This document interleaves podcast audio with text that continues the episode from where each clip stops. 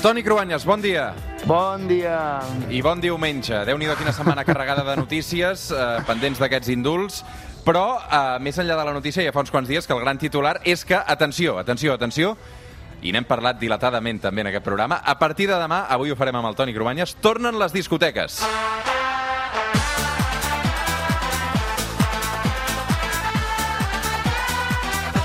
Tu, Cruanyes, eh, has estat d'home de nit, també, o no?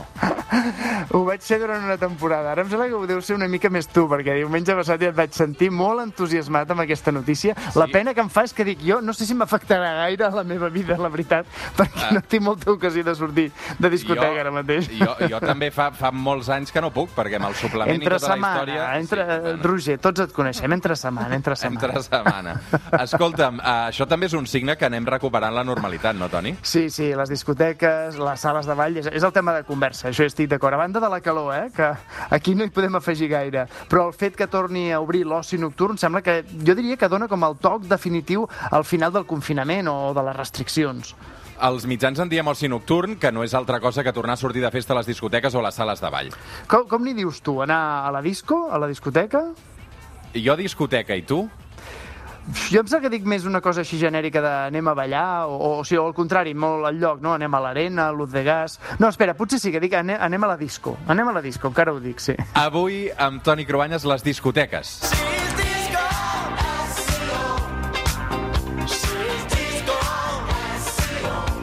Avui amb el Toni Cruanyes, la història de les discoteques, eh, perquè avui sonaran eh, autèntiques cançons mítiques. Aquesta té uns quants anys, Toni. Sí, és que, a veure, realment es pot dir que les discos es van popularitzar als anys 70 del segle XX, però abans, a veure, sembla bastant fàcil d'endevinar quin és l'origen no, de les discoteques. Són una evolució lògica de les sales de ball, les de les classes altes amb orquestres, o les populars, els embalats, a les festes dels carrers.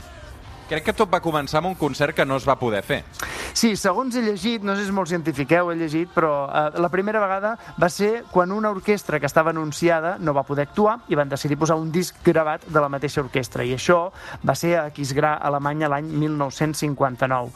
Com que van veure que tothom ballava igual, es va començar a popularitzar. I, de fet, els soldats nord-americans que estaven destacats a l'Alemanya Occidental ho van passar als Estats Units. Recordem que encara estem parlant de l'època de la Guerra Freda. Tot i així, les discoteques van trigar una mica més a popularitzar-se. Sí, de fet, en realitat, durant els 60, només en algunes ciutats nord-americanes van copiar aquest sistema, perquè estava mal vist, fins i tot pels mateixos músics, que creien que d'aquesta manera hi perdrien diners. També per la població adulta, que creien que aquells magatzems i garatges en què es van començar a posar discos per ballar eren, de fet, uns antres de perversió i de transgressió. Al final, Toni, les discoteques són això, llocs foscos destinats a la transgressió. Sí, però hem de pensar que estem parlant dels anys previs a, per exemple, al maig del 68. Encara estàvem a les beceroles de l'alliberament, perquè...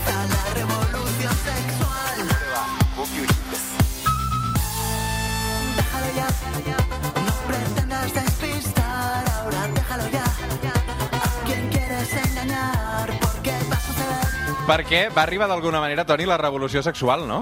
Sí, a veure, la revolució sexual, diguem-ne que la idea de lligar és una part de la contracultura, que és el que va germinar en les primeres discoteques, van donar-li molt glamour, i això es va extendre a tot el món. Una de les primeres discoteques cèlebres, de veritat, va ser Studio 54 a Nova York. Studio 54 és una de les grans discoteques de tots els temps. La van fundar al 77 i va ser el punt de reunió doncs, d'Andy Warhol, de Grace Jones o de grans actors i de cantants. I això també va lligat a la difusió de la música pop i rock com a part d'aquesta cultura juvenil que dèiem. Recordem també que els joves i adolescents tot just llavors van començar a ser considerats per les grans empreses de publicitat com un target comercial interessant. Els joves fins llavors no eren vistos com a objectes de consum. Les discoteques neixen i creixen ja amb aquesta idea de negoci i de publicitat.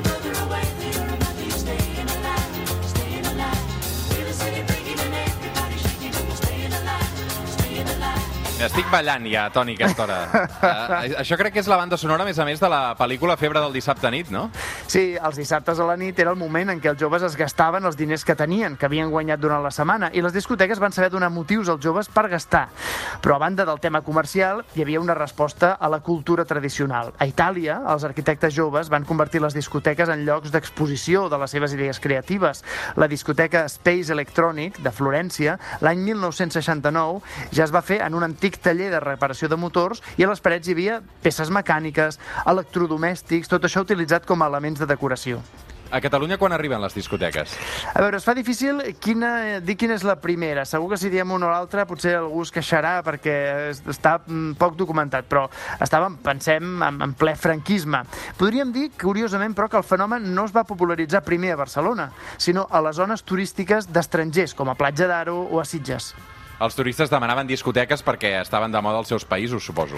I a més, les noies estrangeres, per exemple, ja ballaven soles, portaven roba més atrevida, així que les discoteques, ja també més fosques, amb música en anglès, van anar guanyant terreny als embalats a la vista de tothom, també van portar les noies locals, a les catalanes, a, a, a copiar aquest comportament que veien de les estrangeres, i per tant es van acabant, eh, es va anar fent el trasbàs, diguem, de les sales de ball tradicional a les discoteques. Diuen que la primera discoteca va ser Tiffany's, de Platja d'Aro, propietat de dos emprenedors de Suïssa, i que la van inaugurar el 19 de juny de 1965, just dues setmanes abans del concert dels Beatles a la Monumental de Barcelona.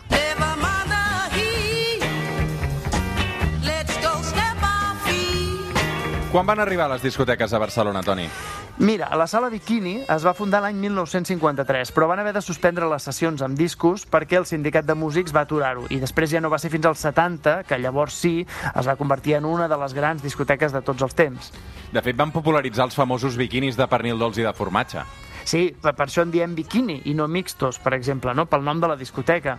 Una altra discoteca pionera de Barcelona és Les Enfants Terrible, el, el Raval. Per dir-ho simple, la bikini era la més pija i els enfants era més popular.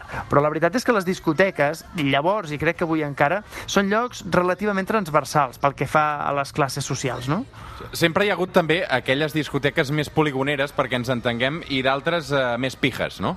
Sí, potser sí, clar, però en aquell moment de transgressió jo crec que servia justament algunes, ara en parlarem d'algunes d'aquestes, perquè gent que no era de les classes més eh, eh, adinerades igualment ni entressin ni donessin joc. No, mira, a partir del 66 hi va haver una explosió de discoteques a la banda pija de Barcelona, a l'entorn de Turó Park, de Francesc Macià, al carrer Tosset, al carrer Beethoven, aquí al costat de Catalunya Ràdio. Alguns noms són molt famosos, perquè és on s'hi reunia la Goix Divin de Barcelona, hi havia el Bacarà, el K-Club, el 90, nore- 98 Octanos o també Metamorfosi, però la més recordada és el Bocaccio, que és on s'hi reunien els intel·lectuals del moment i que com a imatge icònica tenien la model Teresa Gimpera. Tota una icona, no?, la Gimpera. Sí, l'altre gran clàssic de la zona i de l'època i que ha sobreviscut és el Luz de Gas. En Fede Sardà, que va començar com a DJ i ara n'és el propietari, diu que el secret de l'èxit aleshores era trobar música que sonava fora d'Espanya i per això diu que anava a buscar els discos a Perpinyà. En fi, així va començar la història de les discoteques a Catalunya. Saturday night, I feel the air is getting hot. Like you, baby. Avui fins les 9 del matí amb una de les cançons estrella dels 90 que tots hem ballat segurament en algun moment, aquest Saturday Night. Uh, Toni Cruanyes, bon diumenge. L'hem ballat en moments per explicar i moments que millor no expliquem, no? Molt bé, una abraçada, cuida't. Bon diumenge.